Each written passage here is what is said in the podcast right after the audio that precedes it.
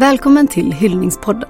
En podd från Tjejzonen i samarbete med Acast. Vi släpper ett nytt avsnitt varje advent fram till jul. I Hyllningspodden hör du fyra kvinnor dela med sig av en personlig hyllningsberättelse.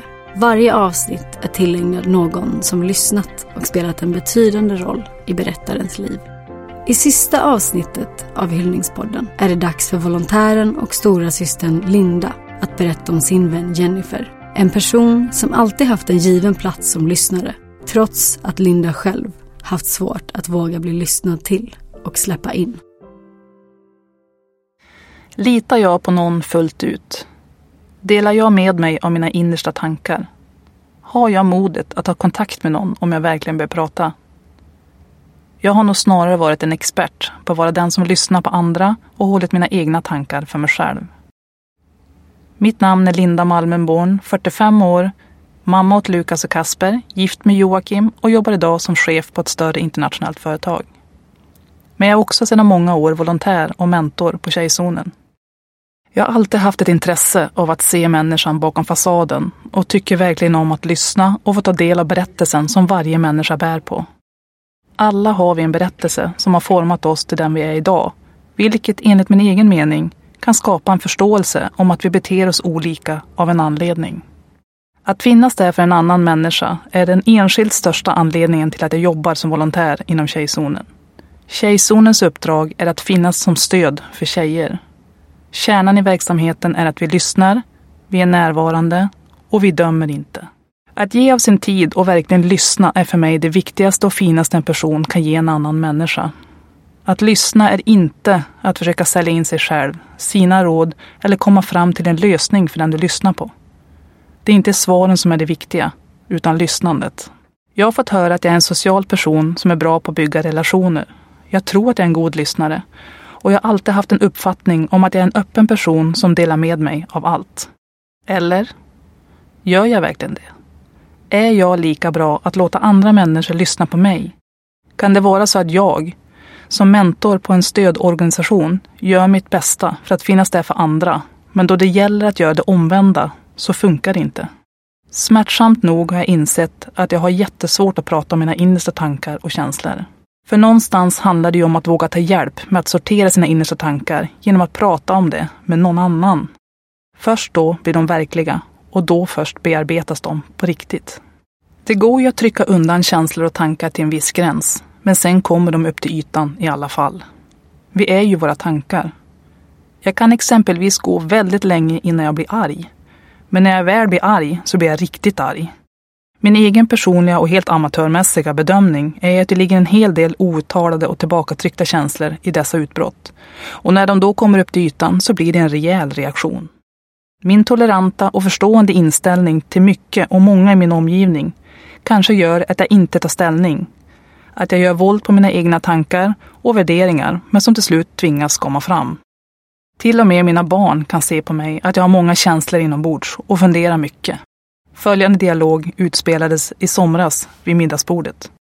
Mamma, du är ett mysterium. Jaha. Det är som att du har alla typer av känslor inom dig. Okej. Okay. Ja, du ser ut som en seriemördare. Men du är som en champagne där korken kan bara poff. Sådär. Tack för den killar. Ni känner mig bättre än vad jag gör själv. Varför är jag då så undermåligt dålig på att låta andra lyssna på mig? Varför släpper jag inte in de som står mig närmast fullt ut? Jag har alltid haft och har fortfarande många fina vänner som jag vet har funnits där för mig. Det är helt enkelt jag som slutit mig och inte släppt in dem. Under hela min uppväxt så har jag haft dålig självkänsla och det tog mig väldigt många år innan jag började jobba med den. Ett okej självförtroende har jag haft i vissa avseenden. Men när det gäller mitt egenvärde, det vill säga självkänslan, så var den nästan obefintlig. Jag har idag kommit ganska långt med min självkänsla och har landat i att jag duger som jag är. Jag är till och med nöjd med mig själv ibland. Jag har slutat jämföra mig med andra sedan en väldigt lång tid tillbaka. Och jag önskar att jag hade slutat med det redan i tonåren och förstått vad som är viktigt på riktigt. Jag har förstått att jag tillåter människor komma nära till en viss punkt. Sedan drar jag en omedveten men tydlig gräns. Jag har inga problem att dela med mig av händelser, pinsamma som icke pinsamma, visa mina brister eller misslyckanden. Men när det kommer till mina egna tankar och känslor så är det skillnad. Jag tror att anledningen till att jag inte släpper in och talar om mina egna känslor och tankar bottnar i att jag är rädd för att bli sårad. En annan anledning är att jag nog heller aldrig vant mig vid att prata känslor på ett djupare plan förrän i vuxen ålder. Det känns ovant och skrämmande på något sätt. Men att spela säkert genom att inte prata om känslor innebär ju att jag inte riskerar något. Vilket gör att jag heller inte lever fullt ut. Att prata om känslor gör ju att de blir verkliga. Det måste då bearbetas och hanteras. Att det tagit mig så många år innan jag insett detta är ju helt värdelöst. Men jag har nog heller inte vetat vad jag gått miste om. Och jag har heller inte medvetet valt bort det. Är jag då ett hopplöst fall som alltid håller människor på ett visst avstånd? Finns det ingen som jag släppt in hela vägen? Jo, det finns en person som jag från första stund kände mig helt avslappnad och bekväm med. Det är en person som jag känt i över 18 år och vi träffades för första gången när vi pluggade på Linköpings universitet. Vi fann varandra direkt och har sedan dess varit riktiga vänner. Den här personen har genom sitt sätt att vara betytt otroligt mycket för mig i min resa mot att våga öppna upp mitt innersta. Den person som jag vill hylla är en fantastisk människa. Min underbara vän Jennifer Olofsson. Jennifer är en mjuk och omtänksam person som alltid haft förmågan att kunna lyssna på riktigt. Hon ser mig och hon är fullständigt närvarande varje gång vi träffas. Det finns något tryggt med Jennifer. Ett lugn och en självsäkerhet som bara känns välkomnande. Hon har liksom ett härligt och renhjärtat sätt. Dessutom är hon en lång, snygg kvinna med en stilsäker klädstil som överträffar min med hästlängder. Men det är inte så mycket vad hon säger till mig eller vad hon gör. Det är hur hon får mig att må och känna. Det finns ingen som helst prestige, ingen känsla av missundsamhet, ingen jämförelse, utan bara en genuin och äkta värme mellan oss.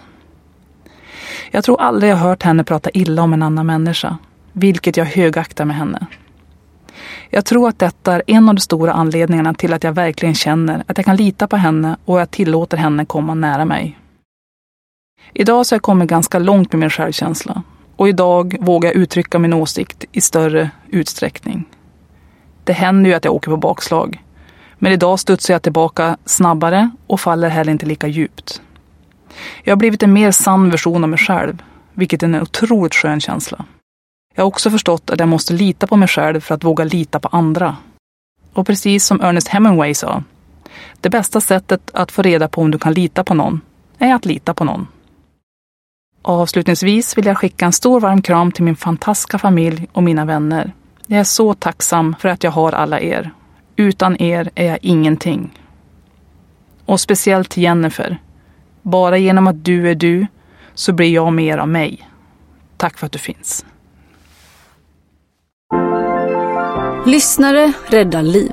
Vem vill du hylla? Var med och hylla alla de som lyssnat när ingen annan gjorde det. Med Tjejzonens hyllningsstory på Instagram. Swisha en gåva till 90 02 072. Läs mer om hur det fungerar på Tjejzonens Instagram, at Tjejzonen. Tjejzonen är Sveriges största stödorganisation för tjejer. Vi kämpar för tjejers rätt att bli lyssnade på och att den psykiska hälsan ska öka bland alla som definierar sig som tjejer mellan 10 och 25.